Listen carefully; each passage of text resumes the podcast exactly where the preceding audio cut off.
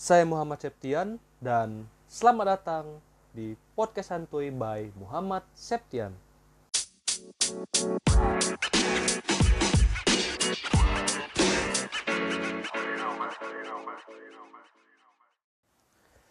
Hiya hiya hiya, halo smart people di mana pun kalian berada.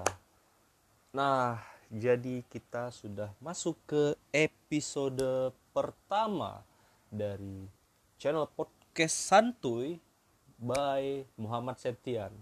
Ya, jadi eh, di episode pertama ini saya nggak mau undang siapa-siapa dulu. Jadi saya pengen mencoba untuk bereksplorasi beropini dengan apa yang saya punya dengan apa yang saya pikirkan uh, merujuk kepada hal-hal yang sekarang ini ya sedang terjadi gitu kan ya kalian tahu pasti apa kan uh, tajuk utama yang akan saya bahas juga dan yang akan kalian dengarkan juga berkaitan dengan COVID-19 19 smart people yang saya muliakan. Wis, yang saya muliakan jelas dong. Ya, siapa lagi coba yang mau saya muliakan ya tentunya kan kalian kan para pendengar-pendengar setia saya gitu kan. Ya, pasti saya pengen kalian tuh tetap stay gitu untuk dengerin channel saya yang bermanfaat ini asik. Oke. Nah, jadi guys, kalau kita perhatikan sekarang banyak orang aktivitasnya itu work from home atau istilah singkatnya itu WFH sering kan tuh kalau kalian perhatikan di uh, artikel-artikel di internet ada istilah WFH WFH itu artinya itu itu singkatan dari work from home gitu kan. Artinya uh, bekerja di rumah. Nah jadi segala macam aktivitas itu sekarang orang-orang banyak ngelakuinnya di rumah. Sebenarnya ada plus minus plus minusnya juga sih ketika eh, terjadi wabah pandemi seperti sekarang ini ya kita kan melihat dari sudut pandang yang berbeda ya seperti yang saya sudah sampaikan di deskripsi bagaimana saya di sini mencoba untuk membawakan sesuatu hal dengan sudut pandang yang berbeda dengan perspektif yang berbeda. Nah jadi sebenarnya kalau kita perhatikan corona ini tidak buruk-buruk amat guys tidak buruk-buruk amat sebenarnya. Kalau kita perhatikan ada juga positifnya.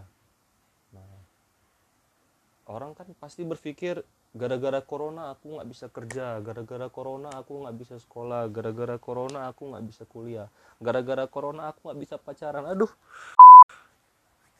Ah, kalau itu ya balik ke pribadi ya masalah pacaran tadi. Tapi gampang lah kalau sekarang ini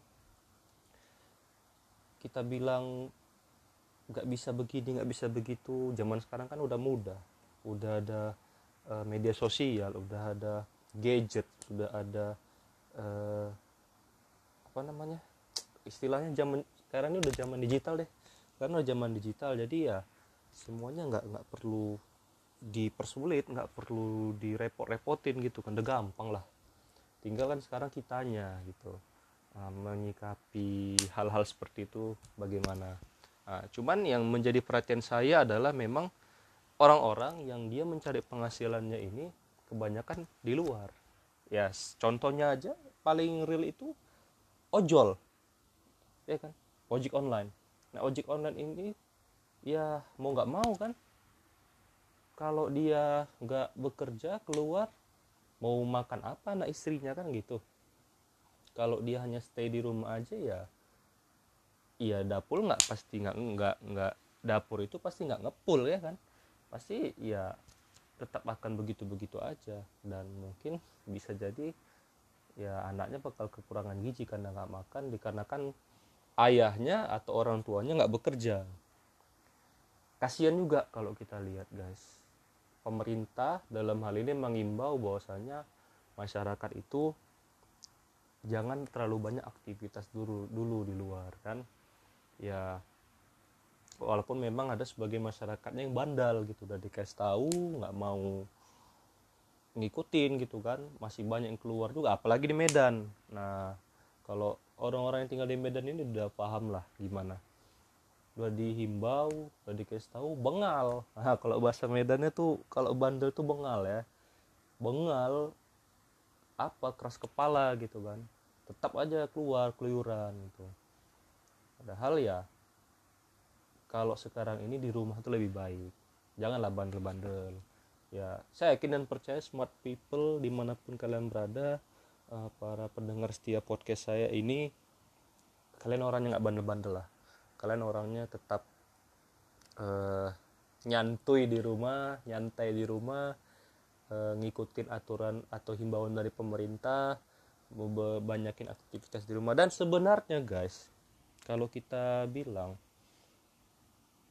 plusnya ketika terjadi pandemi seperti ini dengan kita banyak aktivitas di rumah itu itu manfaatnya banyak banget. Salah satunya adalah yang awalnya kita mungkin apa ya seorang pekerja keras yang maksudnya pekerja keras nih kita aktivitas tuh lebih banyak di kantor atau lebih banyak di luar daripada di rumah gitu kan. Nah karena kita aktivitasnya sekarang di rumah jadi quality time kita tuh lebih banyak untuk keluarga. Ini kalau menurut saya atau kalau menurut aku ya kalau bahasa Medannya ini adalah hal yang positif. Nah kenapa? Karena ya kapan lagi gitu kan bisa hampir setiap hari kita punya quality time yang baik untuk keluarga gitu. Ya kalau kita misalnya kayak hari biasa kalau nggak ada kayak wabah atau pandemi corona ini bisa jadi hanya mungkin hari minggu gitu kan atau satu minggu uh, paling banyak waktunya. Eh, kalau sekarang karena aktivitasnya sering di rumah jadi hampir setiap hari kita bisa quality time gitu sama keluarga. Nah itu satu gitu kan yang yang kita perhatikan itu uh, menjadi plusnya ketika pandemi ini terjadi. Yang kedua apa? Uh, orang lebih menjaga kebersihannya lagi. Nah mungkin biasanya nih ini terutama kita yang jarang cuci tangan. Atau ya lupa lah kalau saya bilang. Kalau jarang nggak mungkin juga. Karena kan kalau kita yang sering makan pakai tangan kan nggak mungkin nggak cuci tangan ya kan. Kecuali lupa. Itu lain cerita gitu kan. Nah eh, pasti ketika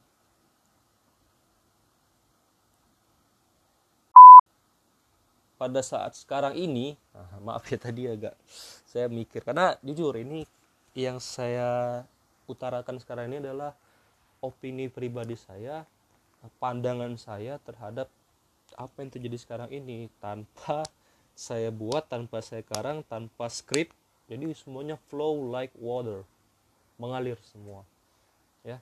Jadi orang-orang sekarang lebih peduli terhadap kebersihannya terutama ya dalam hal mencuci tangan gitu kan. Yang awalnya jarang sekarang jadi sering gitu. Bahkan kita kan sekarang kalau untuk cuci tangan itu kan dianjurkan pakai sabun gitu kan. Ya apa namanya kalau misalnya nanti nggak pakai sabun ya virus itu dia tidak akan pergi gitu. Itu tidak akan hilang. Karena sabun itu ialah adalah um, semacam desinfektan alami bagi virus. Kalau misalnya uh, dia nggak pakai sabun bisa. Tapi itu peruntukannya hanya untuk bakteri aja dia hilangnya. Tapi kalau misalnya nggak pakai sabun virus itu biasanya agak susah untuk hilang. Kemarin tuh ada saya pernah nonton tentang percobaannya. Ternyata benar itu. Kalau kita kan kadang sepele ah udah cuci tangan kok pakai ya, pakai air udah bersih lah itu kita kan mikirnya. Tapi sebenarnya nggak smart people. Ketika misalnya nggak pakai sabun itu efeknya beda dengan ketika kita cuci tangan pakai sabun. Nah ketika kita cuci tangan pakai sabun itu kelihatan dia efeknya langsung. Jadi virus itu langsung e, pergi atau menghindar gitu dari dari ya dari sabun itulah kalau kita bilang. Nah, jadi itu sebenarnya adalah hal kecil yang kadang kita sepele.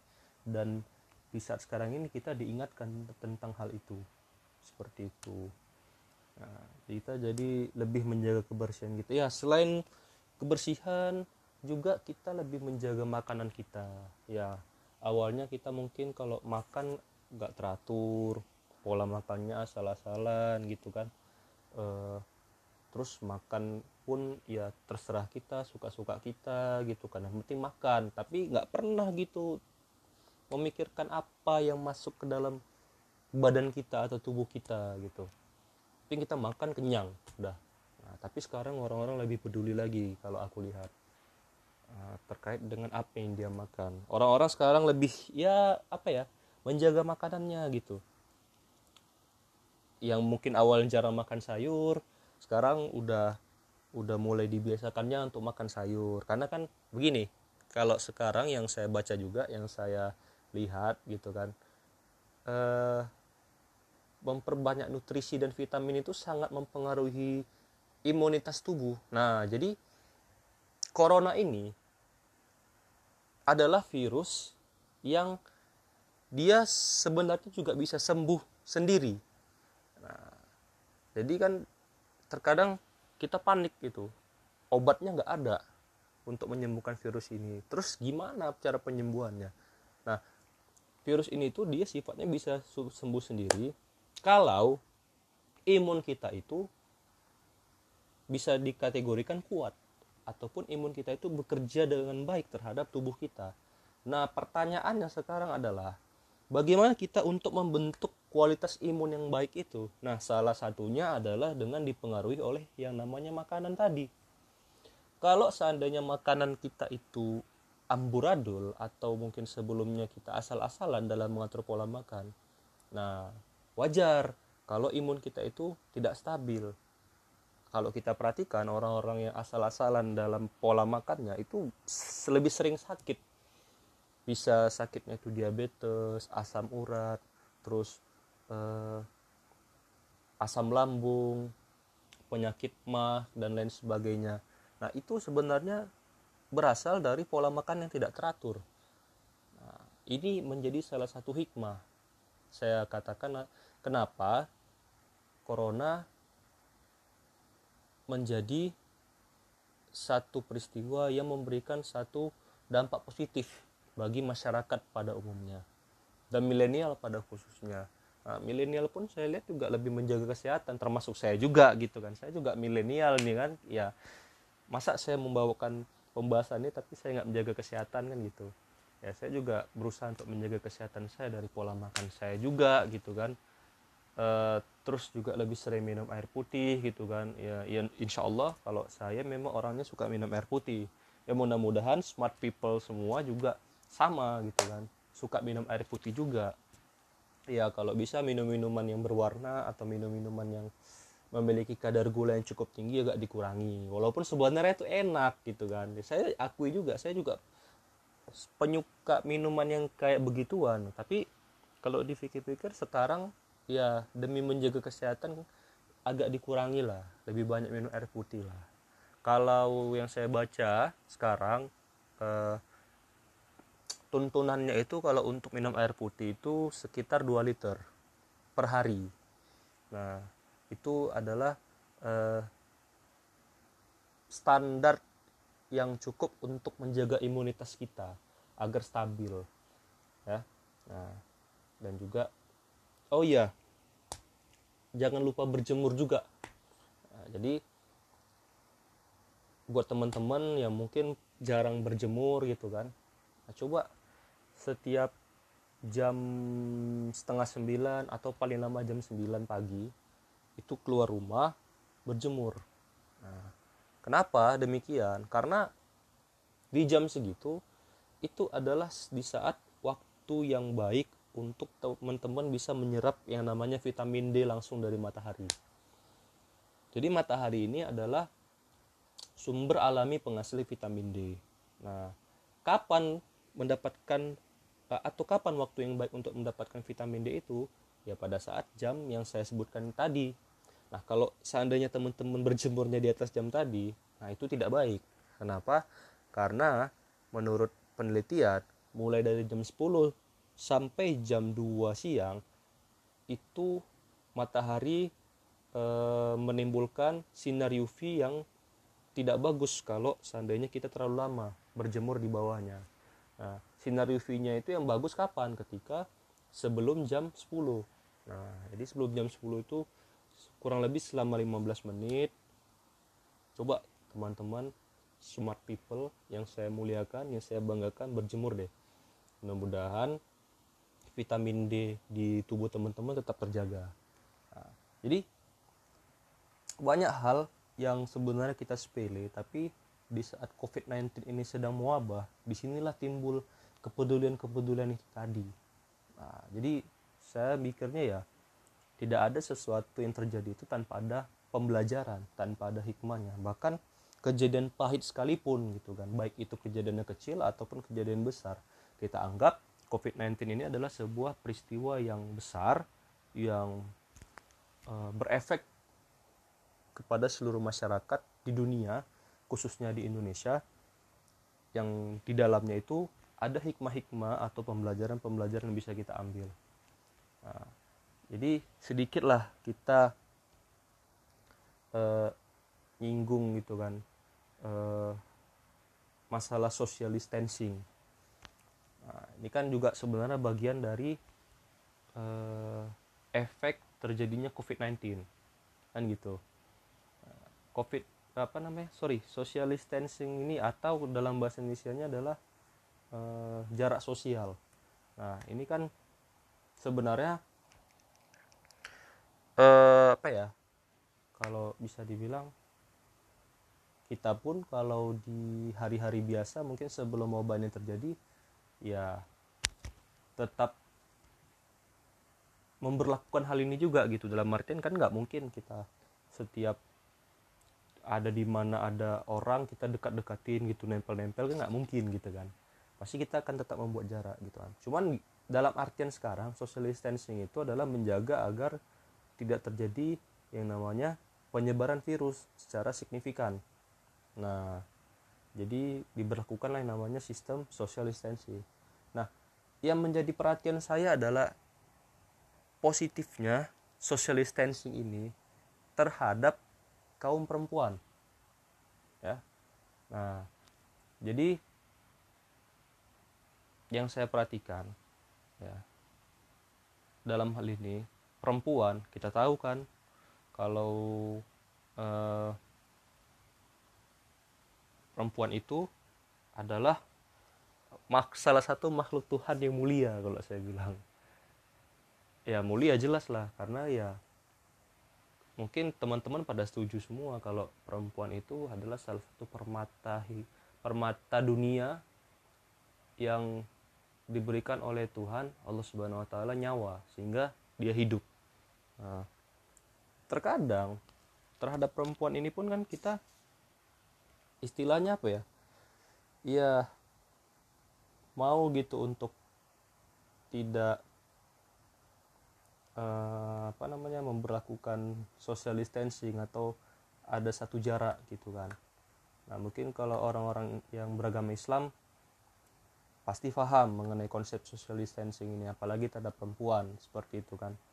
Nah ini kalau menurut saya sangat positif dan sangat baik. Kenapa? Karena dengan ini perempuan lebih terjaga eh, apa ya namanya kalau istilahnya lebih terjaga kehormatannya lah bisa dibilang. Lebih terjaga kehormatannya. Ya karena tanpa kita sadari ya tanpa kita sadari selama terjadi wabah COVID-19 ini angka kejahatan terhadap perempuan itu ya ini menurut pandangan saya terhadap analisa yang terjadi di lapangan ternyata angka kejahatan terhadap perempuan selama pandemi COVID-19 itu itu jauh menurun drastis dibandingkan sebelumnya ya. Nah, ini mungkin eh, apa yang saya sampaikan ini bisa berbeda perspektif dengan apa yang teman-teman lihat di lapangan juga. Tapi ini yang saya lihat eh, baik di lapangan maupun data yang saya lihat di internet ataupun di di di di, ya, di apa namanya ya? Di fisik lah istilahnya kayak di koran atau di mana gitu kan. Kenapa demikian bisa terjadi? Karena gimana pula ceritanya ketika lagi wabah ya orang-orang yang mungkin dia punya pikiran negatif gitu kan untuk mencoba melakukan hal itu gitu. Kan sedangkan dia dia dia aja bisa jadi berspekulasi atau berasumsi ini si perempuan apakah nanti dia pembawa virus atau carrier terhadap uh, eh, COVID-19 atau tidak? gitu kan. Kalau misalnya dia berasumsi bahwasanya si perempuan ini adalah carrier dari COVID-19 tadi ya. Maka otomatis virus itu akan berpindah ke dia gitu kan. Nah ini kan akan jadi masalah juga buat dia. Kan seperti itu. Maka ya orang bakal berpikir dua kali untuk mencoba menyentuh perempuan siapa pun dia. Nah saya pikir itu adalah sebuah nilai plus. Nah ataupun sebuah pembelajaran yang di uh, berikan oleh kita menanggapi peristiwa atau kejadian wabah yang kita alami saat sekarang ini. Dan itu kalau menurut saya ya adalah satu hal yang luar biasa. Nah kenapa? Karena ya jujur aja kalau zaman sekarang ini ya yang namanya di jalan atau di luar itu kita harus hati-hati gitu kan. Kita bukannya mau bersuuzon sama orang tetap berhusnuzon tetap berprasangka baik. Cuman kan ya tetap menjaga aja kalau bisa ya apa namanya tetap selamat lah kita di mana pun berada dan tetap ada social distancing tadi. Nah supaya tidak terjadi hal-hal yang tidak diinginkan seperti itu. Nah, itu kan itulah tadi beberapa tentang hikmah ya. Hikmah atau tentang hal-hal positif nilai positif yang ditunjukkan oleh Tuhan dalam hal ini Allah Subhanahu wa taala terhadap kita. Ya, karena apa pun itu baik wabah ini sendiri pun datangnya dari Tuhan yang Maha Kuasa juga kan Allah Subhanahu wa taala. Kita tidak bisa menyangkalnya. Nah, maka kita harus bersyukur terhadap apa yang diberikan oleh Dia. Nah, termasuk juga eh, belajar mengambil hikmah dari kejadian ini seperti itu jadi tadi ya kita lebih peduli terhadap kesehatan lebih peduli terhadap pola makan kita kemudian lebih banyak waktu terhadap keluarga quality time kemudian uh, untuk perempuan khususnya terjaga, lebih terjaga kehormatannya dan oh ya saya lupa. Kita kan manusia ada terbagi dua karakter yaitu karakter ekstrovert dan karakter introvert. Ya ah jadi beruntunglah bagi kalian orang-orang introvert nih. Nah orang-orang introvert ini ini bisa jadi dia lebih fokus kerjanya kalau semua pekerjaan itu dia kerjakan di rumah. Karena kita tahu kan eh, beberapa poin dari karakter introvertnya seperti apa ya. Salah satunya ya menyendiri. Dan dia bakal lebih fokus kalau dia kerjakan semua sendiri. Nah jadi kalau orang-orang introvert ini ketika WFH nah itu lebih bisa lebih termaksimalkan potensi dia untuk menyelesaikan pekerjaan-pekerjaannya di rumah. Dibanding dia mungkin ketika di kantor kan agak su agak sulit lah kalau bisa dibilang. Karena ya pecah fokus dia dan mungkin apa ya keminderan dia terhadap lingkungan kantor itu. Sehingga dia lebih senang kalau dalam suasana sendiri ketika mengerjakan sesuatu. Ini salah satu keunggulan juga buat teman-teman atau smart people yang introvert gitu kan. Nah jadi kalau dipikir-pikir apa yang terjadi sekarang ini kalau kita ada ambil dari sudut pandang yang berbeda itu banyak hal-hal positif atau nilai plus yang bisa kita ambil. Kita jangan selalu menilai bahwasanya COVID-19 ini adalah sebuah wabah yang merugikan kita secara global secara keseluruhan. Iya merugikannya jelas besar karena secara activity kita nggak bisa leluasa untuk keluar nggak bisa ke mana-mana. Semua pekerjaan terhambat. Ya kalau mau keluar resikonya besar gitu kan. Karena virus ini cepat menular menularnya gitu kan. Tapi di satu sisi yang lain sama-sama kita tahu bahwasanya banyak hal yang di hari biasa kita tidak pernah dapatkan tapi ketika pada saat sekarang ini kita bisa dapatkan itu tanpa kita sadari. Walaupun sebenarnya kalau kita telah lebih jauh itu bisa kita lakukan gitu. Tapi sadarnya waktu sekarang ini waktu pandemi ini gitu. Nah jadi yang ingin saya sampaikan mungkin bisa jadi kesimpulan gitu kan terhadap uh, apa yang saya utarakan barusan terhadap smart people uh, yang berbahagia yang saya banggakan yang saya muliakan tetap menjadi manusia yang bersyukur. Jangan pernah eh, apa namanya jangan pernah merasa kalau kita itu selalu kekurangan. Karena jujur aja sekurang-kurangnya kita lebih banyak orang di luar sana yang pasti lebih kurang daripada kita. Nah, terkait dengan hal ini nah, saya ingin mempromosikan uh, sedikit terkait dengan program yang saya dan teman-teman saya jalankan. Nah, jadi program ini uh, kami dari Pena IP Medan Kota bekerja sama dengan Payung Amal Medan dengan tema gerakan peduli Medan. Jadi di sini kita nanti ya sama-sama akan membantu menyalurkan donasi untuk saudara-saudara kita yang mungkin saat ini tidak bisa bekerja beraktivitas di luar dan mereka membutuhkan bantuan uluran tangan kita. Nah, untuk info lebih lanjutnya mengenai program ini, teman-teman nanti bisa langsung follow Instagram Pena Cabang Medan Kota atau Pena IP Medan Kota di @pena_cabang_medan_kota. Nah, dan di situ nanti teman-teman bisa lihat informasinya terkait dengan bagaimana kita bisa mendonasikan sebagian rezeki kita terhadap eh, saudara-saudara kita yang membutuhkan di luaran sana. Nah, jadi terakhir yang ingin saya sampaikan tetap jaga kesehatan, uh, tetap enjoy, tetap happy, tetap bahagia, dan selalu semangat. Oke, okay? have a good day, smart people, dan sampai jumpa di episode berikutnya. Bye.